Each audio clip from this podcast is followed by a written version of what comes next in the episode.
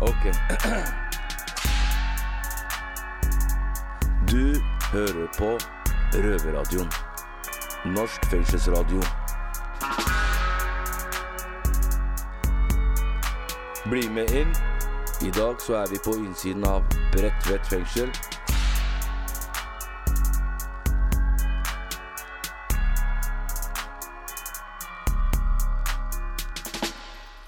Du Nina, vi fikk jo storfint besøk i sommer, vi. Det er helt korrekt, Maiken. Det var nemlig Nigel eh, og Erlon fra det store utlandet USA som kom på besøk til Bredtvet. De er jo rett og slett vaskeekte fengselspodkastkjendiser. Det er de, fordi de to startet nemlig Air Hustle, som er verdens eh, største fengselspodkast. Ja. Velkommen til Røverradioen. Eh, Jeg heter Nina. Og jeg heter Maiken. De var jo utrolig morsomme mennesker å snakke med, men jeg, jeg var litt misunnelig på deg som faktisk fikk gjøre et sånn ordentlig intervju med Ørland. Ja, og det bør du være, og jeg var veldig glad for at det ble meg. Men du kommer til å få høre, du også, at Ørland Woods er den eneste jeg veit om, hvert fall, som eh, fikk omgjort livstidsdommen sin fordi han rett og slett prata så bra på radio. Det er kult. Det er, ja, til inspirasjon, absolutt, vil jeg si. absolutt. Jeg lever litt på det. Ja, Ja. Så heng med, folkens. Erlon Woods, welcome to my castle. Damn, thank you. It's a nice castle. It's um very old, and I'm shocked that you don't have a bathroom. I'm shocked you don't have a toilet. That's like fucked up. Yeah, it is. It is. Oh, can I curse on here or no? Yeah, of course you can. Fuck that shit. That's some bullshit. Yeah, well, uh, Earlonne, you are the co-creator and co-host of Ear Hustle, one of the most famous prison podcasts in the world, made in San Quentin Prison, California, and also a former inmate. How is it to be back in prison? You know, it's it's always um I don't want to say the word fun. I want to say it's always um for me it's always inspiring. You know what I'm saying? To go in prisons and and and you know talk to individuals in there because the one thing that I do know especially in in, in California is when I go into prison in California pretty much everybody know me and you know they be happy to see me and happy to understand that uh, or should I say they understand that I was a fuck up too in prison so to see me get out and come back in prison they can see themselves in me like if he can do it I know I can do it you know what I'm saying so that's the reason that I I go in and usually when I go in I always probably have a suit on or just to, so they can see me outside of of prison uniforms. You know what I'm saying? Yeah, of like course. because that's what they wear. Like here, you know, you know, individuals are dignified because they get to wear their own clothes. You you you can you can wear certain clothes, but it's on the yard. It's not. You don't have your personal choice of what you want. It's just something in a in a catalog that you can get. But they wear blue and light blue, so I try to always come in in a suit so it can get them some type something to inspire to do when they get out. Yeah, I can imagine you inspire hope and But- uh, yeah. I would do- definitely say this: walking in a prison is a different. It's, there's a difference when you know you could be like, you know what, I'm tired, I'm ready to go. Yeah. You know what I'm saying? That's a whole different vibe. You know, so that's that. That makes it a lot easier as well. Yeah, I can reckon, I can imagine that. Uh, your story is uh, rather remarkable, and um, but can we start at the beginning? Where did you grow up? I grew up in South Central Los Angeles, like the east side of Los Angeles, um, and I grew up in a, a neighborhood that was, eh, I would, I'll say the ghetto. You know, it was It it was was, a rough- very low, low income type. You know, um, but it was nice. It was it was good for us. You know, I mean, it was it was okay growing up because when you're growing up, you don't know the difference. No, but so how was your childhood like then? my childhood was cool. I grew up in a two parent home, you know, um, my mother and my father. My father never, you know, was there really. He lived there, but he was never really there. He was never really in my life like that. Um, though we lived in the same house for like 17 years. Um, my mother was usually the backbone, as women are, You Yeah. know, um, I grew up. Um, you know, it's a trip, and, and, and you think about when you grow up. I grew up like in being involved in gangs from a young age. You know, and it, it when you're young, you're not looking at it as something illegal. You're just looking at it as a band of friends. You know what I'm saying? Or some your partners, all your partners, and y'all y'all pledge an allegiance to some street shit. You know what I'm saying? But you know, mainly it's just y'all having that bond. Of course. You know, and then it just get warped a little bit. Um, because you you and you end up bringing in the crime, bringing in all kind of other shit, and then it's something totally different. Especially when the opposing side come on your side and start shooting up or fighting and shit. So now you get into that mentality.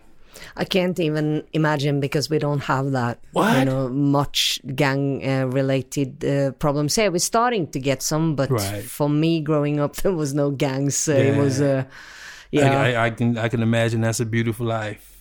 yeah. Well, in some ways, maybe, but I was, I was not the best child anyway.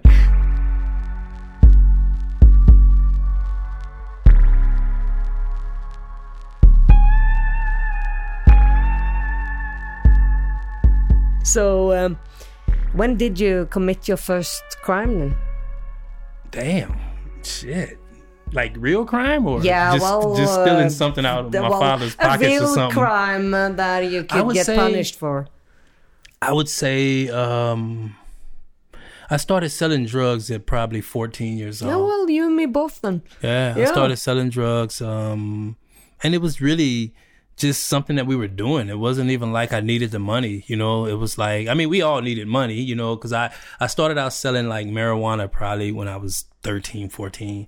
And it was like selling joints for a dollar, you know, and that took a long time to make some money, you know. But everybody liked the joints. So I used to sell them. And then I had a friend that came up to me and he showed me a bag of, of, of crack cocaine and that little bag had a you know a couple of rocks in it. And he was like, "This is five hundred dollars." I'm like, "What?" You know, five hundred dollars is a lot of money when you like 13, 14, well, 14, 15, you know, 14. And I was like, 500 for real? And from that day, I became a crack seller, you know, and um, that's that was like the introduction. And then I had an older brother who used to sell drugs as well, but then when he was like 19, he had got into it with some drug dealers. So instead of working for them, he started robbing them. And then that was the more money. So it was like, we don't have to sell the drugs. We can just go rob the drug dealers and get the money. So we became bandits, I guess you could say. We started, you know, robbing and kidnapping drug dealers. Wow. And I was probably 15, 16, and I got caught for that when I was 17. And when I got caught, I was being threatened. I got caught for kidnap, ra- kidnap ransom. So kidnap for ransom in America is, well, in California, is a life without the possibility of parole. At 17. So I was facing life without the possibility of parole. Yeah. And we ended up getting lawyers and they broke the sentence down. They they gave me a plea bargain, a plea deal that if I pled guilty, I would get 10 years. So we all pled guilty, of course. you know, and I did 6 years 3 months when I was 17. And I got out when I was about 23. Well, uh, did that change your mindset somehow? You think no? No, because it's, it's it's a trip because it's a difference when you go to prison and you have a set date. Yeah. Like I I I, had, I knew that in, in in at that particular time you get halftime, so I knew that technically I only had to do five years. You know, so I went in there gang banging, didn't care, didn't give a fuck. You know, but you had other dudes in there that had life sentences that was different. You know, than me, and I'm in there starting trouble or whatever because I knew I was going home. Yeah. Maybe. So, so still looking at your maybe gang brothers then who had life, maybe it still didn't scare you straight somehow. Nah, because no. they had life. I didn't. You know, I was Yeah. like, you know, now I could have, I could have, re- I could have probably got a life sentence in prison for stabbing somebody or for, you know, usually when you stab somebody, the chances are they could die. Even if you stab them in the leg, they could die, and that could be a life sentence. You know, but you don't, you don't, you don't think that through.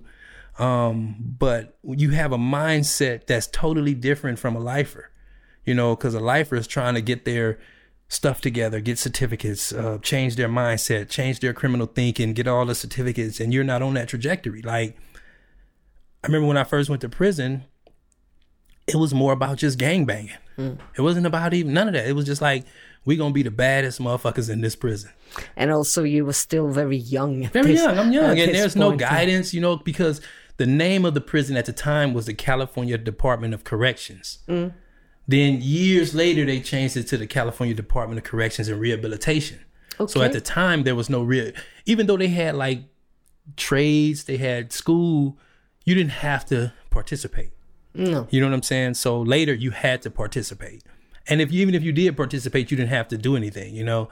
So me being young, I didn't take it, I didn't really take it to heart like this is a chance, this is an opportunity for me to turn my life around. No. You know, um, so I just went through the whole six years, three months, just fucking up, you know, going into the solitary confinement for 11 months here, three months there, you know what I'm saying? So I think I did a whole, I think I did a 29 months in, in isolation um, within that six year time.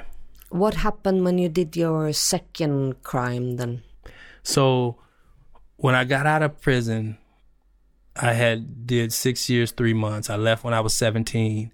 I got back to society when I was 23, about to turn 24. I hadn't learned shit. Didn't have a high school diploma. Um, so it was like trying my best to get a job was hard when I first got out because I really wanted to do the right thing. I did. I wanted to do the right thing. Um, but I got out. I didn't have no skill sets, no trades. I just spent six years, three months just just blank, didn't do shit. You know what I'm saying?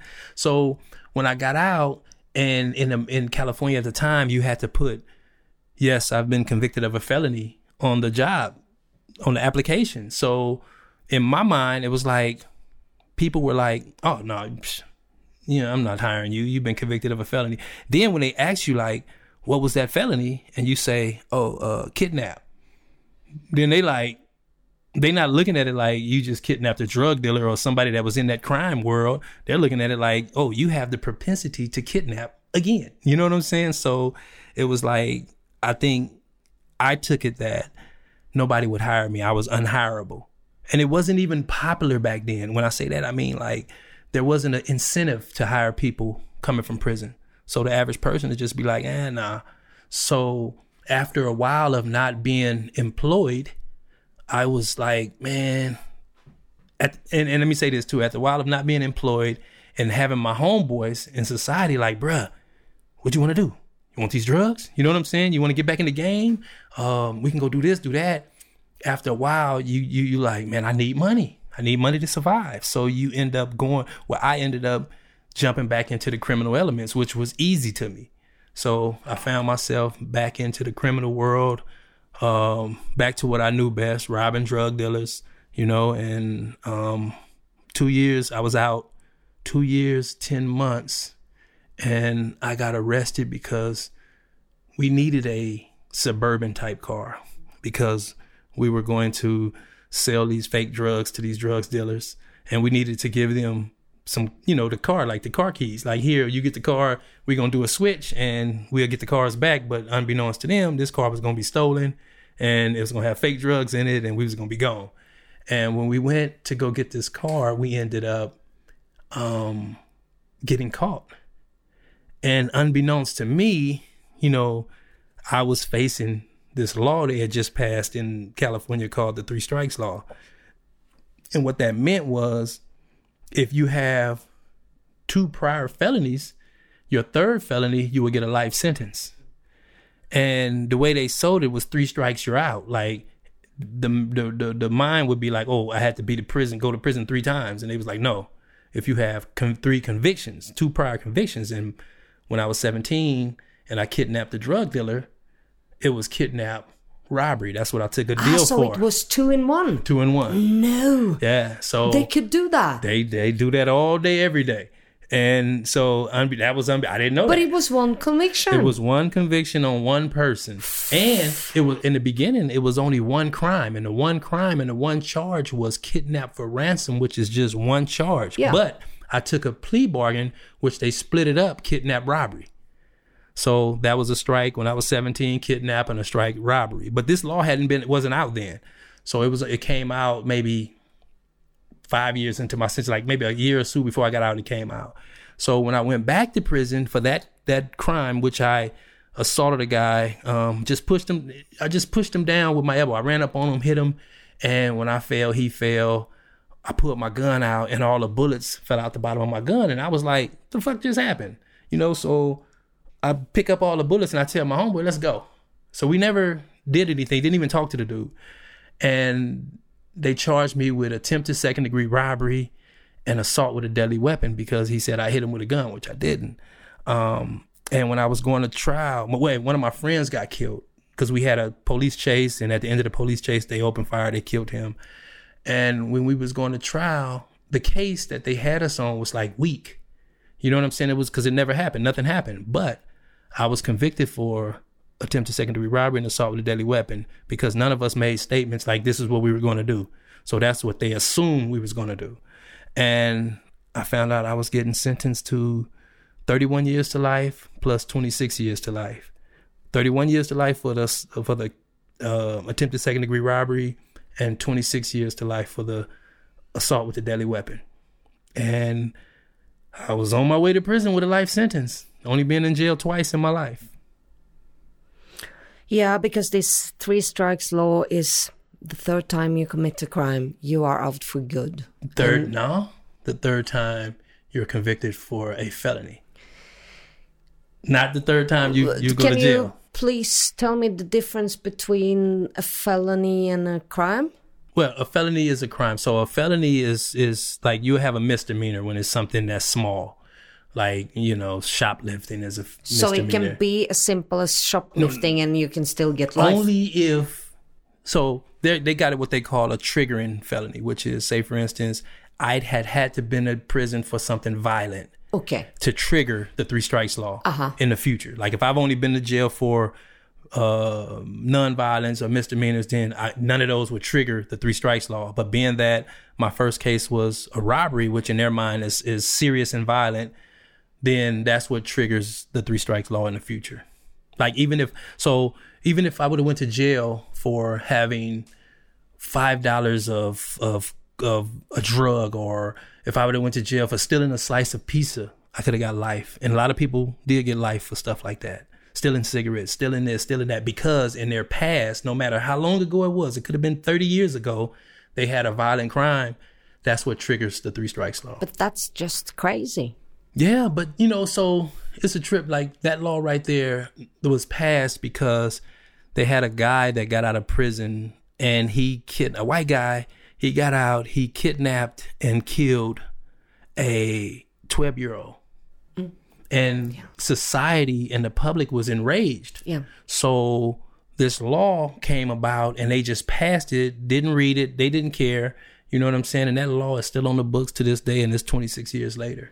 Because this was the politics of being tough on politics, crime. Yes, exactly, yeah. exactly. And I, I just was recently, I just ran a campaign to end the law, but the only problem was is a lot of people didn't feel um, it was time to end the law, or they didn't want to support us, they didn't want to fund us. And in California, you know, you have you have the option to put up an initiative um, which is it's only 11 states in, in, in the United States that can do this, whereas the actual person in the state is has the power to change the law if they can get a certain amount of signatures. Mm-hmm. And I needed 623,212 signatures, which is, I think it was like 5% of the last total number of the gubernatorial race to get it on the ballot. And we didn't have enough volunteers.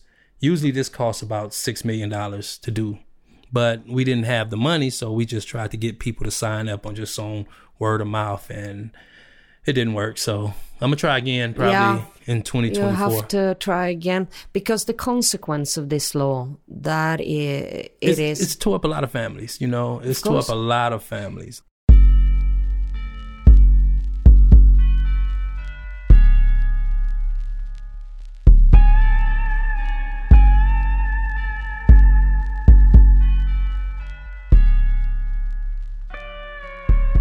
Um, I was wondering uh, one thing. Um, I've heard that um, in American prisons, uh, you get used as uh, labor. Also, it's a it's a private. Um, it, it's it's private. It's private. The prison system in in the U.S. is it not? No, no, they do have private Yeah. prisons. You know, um, they do have. So they make money on prisoners. So even the the the regular prisons do. So they have this thing called. I'm I'm gonna speak for California. So in California, they have a thing called prison industrial industry. Um, no, prison industrial authority, PIA, and you can work in these places, and you might make you might make lingerie for Victoria's Secret, and you only get one dollar an hour, right? Where on the streets you got to pay these people eighteen dollars an hour or something, you know. So, um, you know, you have a lot of people working it. I was just reading something the other day um, on his cat Shaun King um, on his Instagram where it says eleven billion dollars are made a year from incarcerated people's labor. You know what I'm saying? So it's like slavery. yeah. And in the Constitution in America, slavery still exists. Yeah. And Because it says no free man. well, Can, yeah. no, it's so so. I, I- believe the actual language is something like, um, slavery shall not exist, or no, it's a involuntary servitude shall not exist unless you are convicted of a crime. So if you're convicted of a crime, You can be used you can be a slave slave labor. in a yeah. way. Yeah. So right now in California, they're trying to take that out of the Constitution. Yeah. Well, it should have. And the guy, I know a guy that he's formerly incarcerated. He just got out not too long ago. He actually, while he was locked up, you know, he read a lot of law, and he wrote a he wrote a law that said that this should be taken out of the Constitution, and they're deciding on that like right now. Yeah. Sounds good. It seems it time. seems easy though. Yep. It seems like so. It's been in there forever, and this is 2022, and that language is still in the Constitution in the I United was States. totally unaware of, of that uh, amendment, isn't it? The sort of thingy that they put in the Constitution Yeah, the to, to, to justify Yeah. the continuance of the slavery. Yeah. I, I didn't know this because what we learn in school here, anyway, is that slavery got abolished uh, Yeah. a long time ago. And um, so Definitely it's, um, did, but there's this one little caveat that says it still exists. it's, it's not little, and, and the reason they put it in there because like when slavery ended then they created like prisons to continue slavery because they started arresting a lot of african americans or for like say for instance loitering and you get 10 years for just loitering and then that puts you back into the slave trade and it was legal Yeah, it's uh, crazy, and uh, I just wish you guys uh, all the best in your uh, fight Yes. for getting rid Getting of this. free. Yeah, getting Free. yeah, f- f- eh, yeah. It's a so it's, it's mind-boggling you know Yeah, just it is. think that it's still going on in, yeah, in in the today's- land of the free and the brave. Listen, I mean, yeah, it's free. it's crazy. yes It's absolutely crazy. Because you got to think though, the average probably citizen was like, well, they shouldn't have committed a crime. No, we shouldn't be subjected to slavery. Period. Precisely, and also, by the way, anybody could commit a crime, ju- and I, in my opinion, in the Yeah. right circumstances. yeah. So, I mean, it can uh, be something simple as your birthday, you're a little inebriated, you accidentally have a car accident, whatever, and you go to jail for DUI. You know what I'm saying? And you'll be subjected to the slave type shit. Um.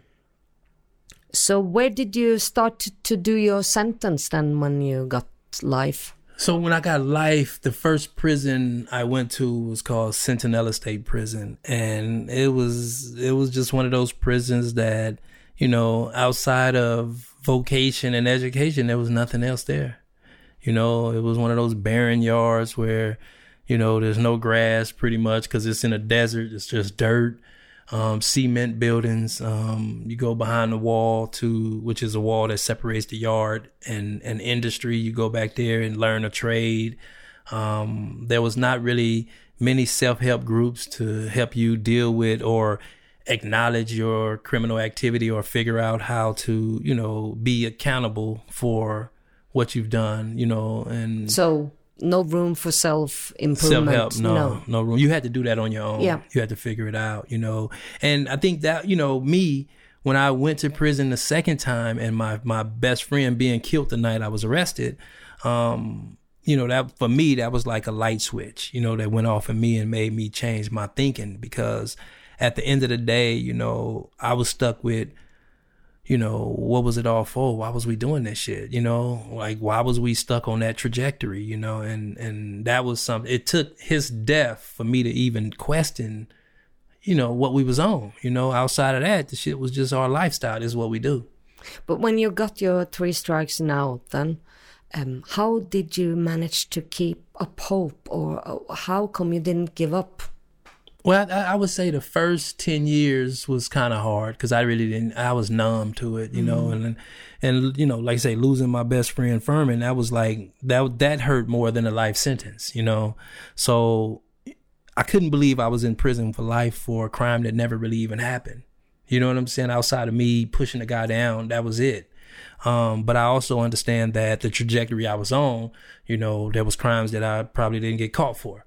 You know what I'm saying? So I can easily, you know, be like, oh, okay, well, whatever. You know, they got me. You know, um, but I think it was just me not not giving up and just waking up every day, you know, and just trying to do better. Even though I was in prison, you know, I was just like, okay, I'm gonna change my life. I'm a, I'm not gonna like I was in gangs and shit. So the first thing was like me separating myself from the gang life.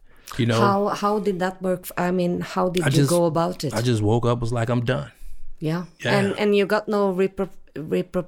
Nah, I mean, you know, of course, you know, first the homies want to know, damn, why you why you saying, you know, fuck us, you know, and or or or why you don't want to roll with us, you know. Most sometimes it's because this person and told on somebody, or you trying to. But in my case, it wasn't none of that. It was just that I'm not a kid anymore, and I see where it got me. You know what I'm saying? And and nothing good came from it. But so your fellow boys just accepted it Yeah. after a while. Yeah. So it's a trip because it may be different for different races. Like if I was in the Mexican game, it probably would have been way harder to disassociate myself. Yeah, because that's what I've been watching in movies and shit, Um, Yeah. you know, that it's impossible to get out of the gang. Yeah. Yeah, but probably you know in in in the black gangs, it's just a little different. Even though there was a lot of hiccups. Like if I go to a new prison and people don't know that I swang like that, because um, they'd be like, "Homie, homie, what's up?" And I'd be like, "Man, I ain't into that shit no more." And I've had those conversations with guys, you know, where I was like saying to myself, "Damn, do I got to stab this fool because they trying to press me? Like I, I should be a part of this? You know what I'm saying? Because you have these these thoughts, you know, when you when you in gangs, like for death though. I'm gonna do this for death though. Like blood in, blood out type shit. You know what I'm saying? And I was just like, man, y'all motherfuckers need to grow the fuck up. You know what I'm saying? We not we not Yeah. because gangs is like I'm not saying it's like a 12 year old's philosophy, but this shit was started by kids, mm-hmm. and we're just continuing to push a kid's theory.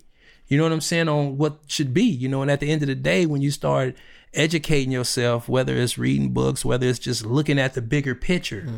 And the bigger picture is we're only technically destroying ourselves. Nobody's else is destroying destroying us. We're putting ourselves in these positions, you know, like in prison.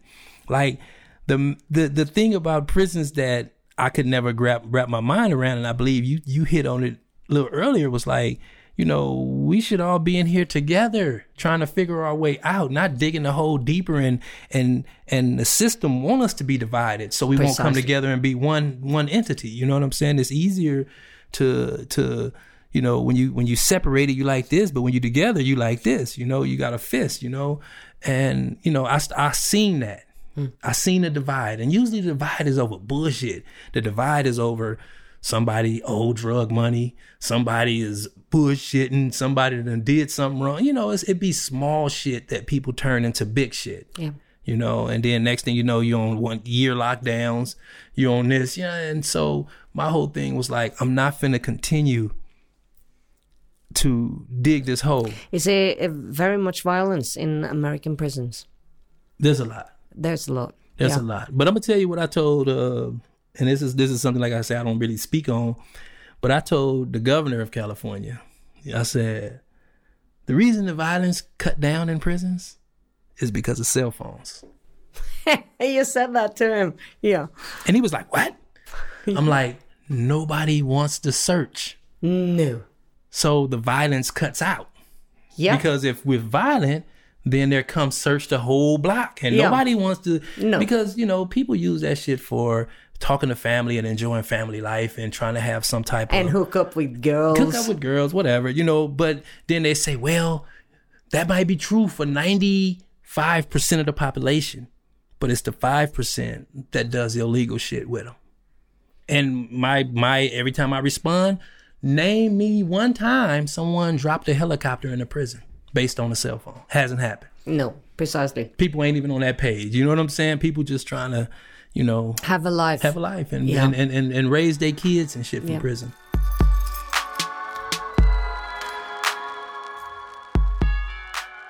so, how did you end up in uh, San Quentin? So I was on a 10 month lockdown from a racial riot. I think it was the the blacks and the Mexicans were going at it. And while I was on this lockdown, they had a show that came on a Discovery Channel. And the show was called San Quentin Film School. Wow. So I've always wanted to go to film school, always believed in storytelling, always just liked it, you know what I'm saying? And I was like, okay, I gotta get there. And, you know, I was I was a level two prisoner. So I was housed in a maximum security, but I wasn't supposed to be in that in that prison because my points had dropped. But being that I had so much time, 31 years to life plus 26 years to life, they was like, well, you know, you have so much time where, you know, we can house you here. So I fought for six years to get from that prison to San Quentin. They would never let me go. And they had this thing that was, like I was saying, that said, you have so much time, we can house you here. And then I was looking at it, it said basically forever. So they never had to let me go into the custody that I was supposed to be in, which was a lower level custody. So I did what any rational person would do. I manipulated the system. You know, uh, I realized that the prison did not have a mental health department. So I went to the mental health people and told them, I'm depressed. You know, and then they asked me, like, they asked me a question. So I, I know I started out saying I manipulated the system, but they asked me a question was, How long had you been depressed? How long have you been depressed? And I thought about it and I was like, I think I've been depressed since I got 31 years to life for nothing serious. You know what I'm saying? And so they had to put me on like depression medication and shit. You know what I'm saying? But what they did have to do was follow the rules and transfer me to a prison that had psychologists. And that prison had to be a level two prison because that was my correct custody. So I got transferred in like 90 days, but they didn't send me to San Quentin. And it's only two level twos, San Quentin and Soledad.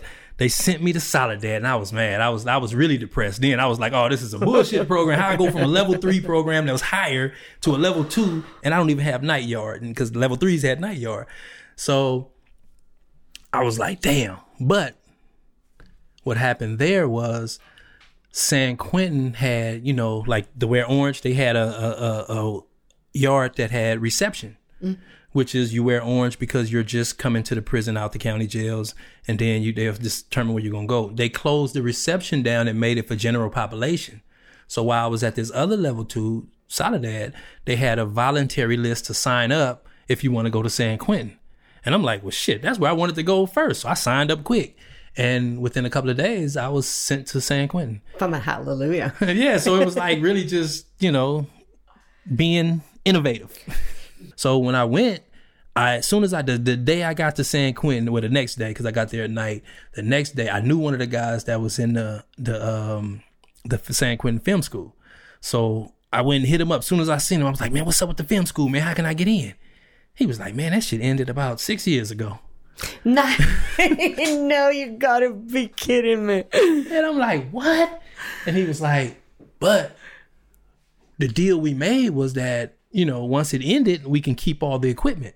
He says, so we have the equipment down there so you can come down and, you know, learn, teach yourself how to do the shit. So I was like, cool. So I went down to the media center and just like that, they had the Mac computers and the computers had the software, they had cameras. And so what, what I was able to do was volunteer down there and we was go to the yard and like say they having a, a, a graduation, uh, whether it's a GED, college graduation, whatever they have, and we can go film it. And then we'll come back and we'll make a long version of the film, and then we'll make a teaser, which is like three to five minutes. You know, so I was doing that, and that's how I got involved, like in in the media center. Then that's when like Nigel came to the class because she was a professor. Yeah. at San Quentin at the college that they have there, and she came over to the class because she wanted to do some type of document documentary about you know um, prisoners and you know things that she was curious about. But the problem was you need a lot of drive space to do that because you know film is a bigger space. It'd be gigabytes of shit that you're recording, and that they didn't have enough space for that. So it was easier to do audio because it's smaller files, and we when she came and did that, you know, they had um, the local radio station that heard about it, and they wanted to come in and start teaching radio production. Cool. So you know, I was never really into the radio production stuff, but I was always there in the background. And when this one guy came through named uh, Mark Jeffries, Mark Jeffrey created, I believe it was Pro Tools. And he came and taught Pro Tools. So when he started coming through and they said Pro Tools, I did the next best thing. Called my sister, hey, send me a Pro Tools book. So she sent me the Pro Tools book. So I read the book, understood the book, you know. So I became probably the best person in that technology, Pro Tools. So everybody had to come to me and ask me questions about Pro Tools because I knew it. and and that's how kind of like me and Nigel got kind of cool because I understood the software. And um, they did radio for about maybe three years. And um, she always used to talk to me like, "Hey, we need to start a podcast. We need to start a podcast." And I used to be like, "What's a podcast?" I'm like, I, I told her, I said, "Okay, cool." Then I was like, well, "What's a podcast?" You know. and then she, she she brought in some examples, and um, that's how we became like cool because we started working on trying to do something different than radio. But um, how did um, the work in uh, Ear Hustle then? Because you and Nigel then created Ear Right, Hustle, so- and so how did that work end up in you being pardoned? And how did that story go about? so like I say, like so, yeah. Nigel, she came with the idea, and I was like, "Cool, whatever it is, let's go." Yeah. And so The well, yes man. the yes man. I'm like, hey, Yeah. yes, yes. so me and her sat down probably over maybe a month or two, and we just mapped out what we wanted to do. I think while we was trying, our whole mission was to make um, some stories for incarcerated individuals to be played inside the prison because we had that closed circuit TV station where we can put up stuff where all the prisoners inside can hear. And um, that's what we was working on. And one day, Nigel came into the institution and she was like, "Hey, they having a contest at PRX or Radiotopia where they're looking for the next best podcast, and it was a contest called PodQuest.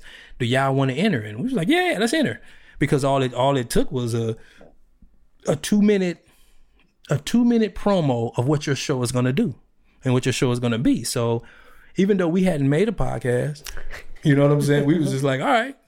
So we thought about what we wanted to do, and we did a one minute and fifty six second um, promo of what we thought it was going to be, and And you won.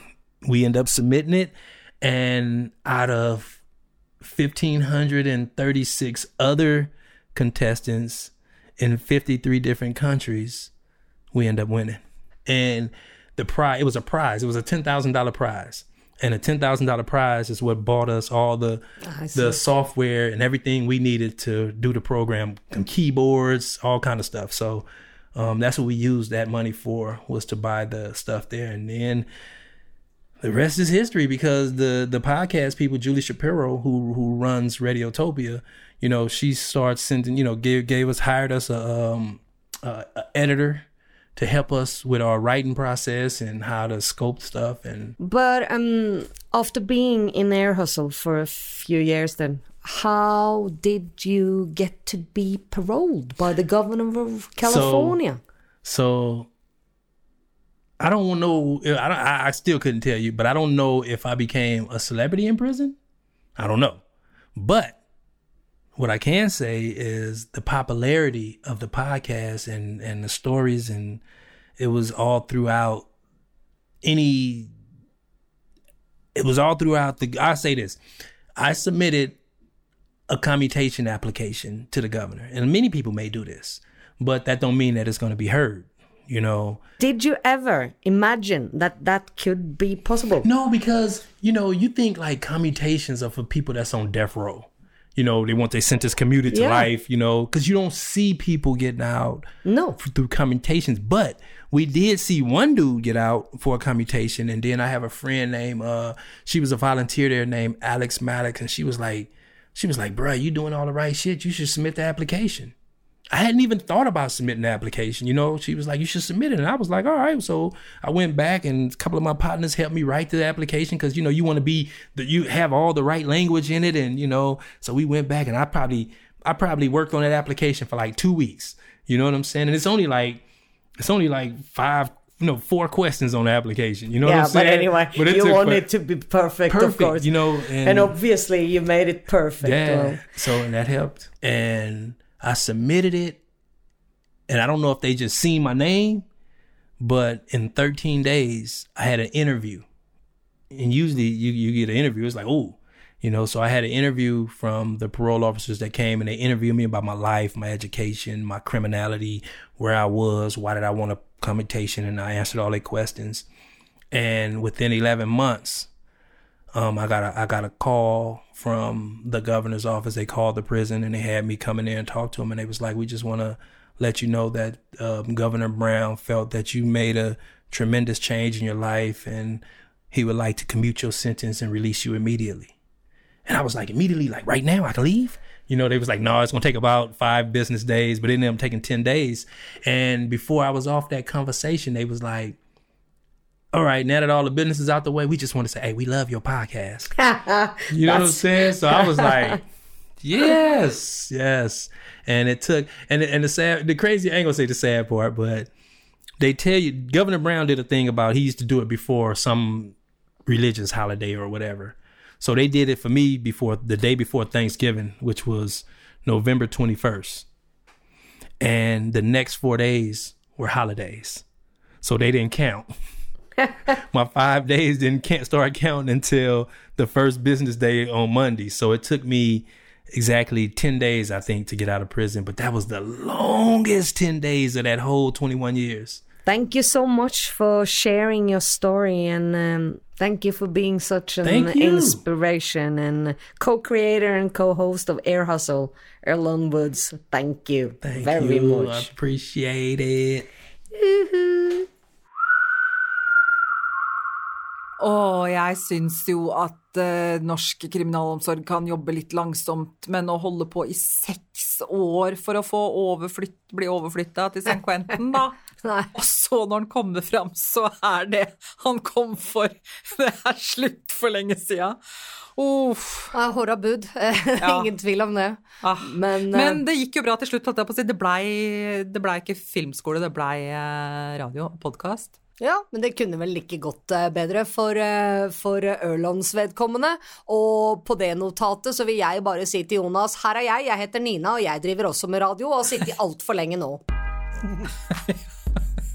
Noter deg det. Ja. Yes. Men nå er denne sendinga over for i dag, men vi er tilbake på NRK P2 på søndag 2030.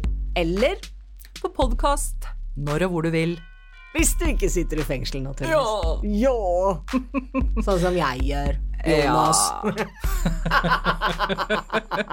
Enn så lenge. Enn så lenge, ja. Nina. Enn så lenge. Keep up the good work. I will. Ha det. Ha det. Denne sendingen av Røverradioen er sikkerhetsgodkjent av Bredtvet fengsel. Musikken er laget av Trond Kallevåg. Røverradioen er en veldedig organisasjon som er avhengig av din støtte. Følg oss på Instagram, Facebook, Twitter eller gå til røverhuset.no og finn ut hvordan du kan støtte Røverradioen.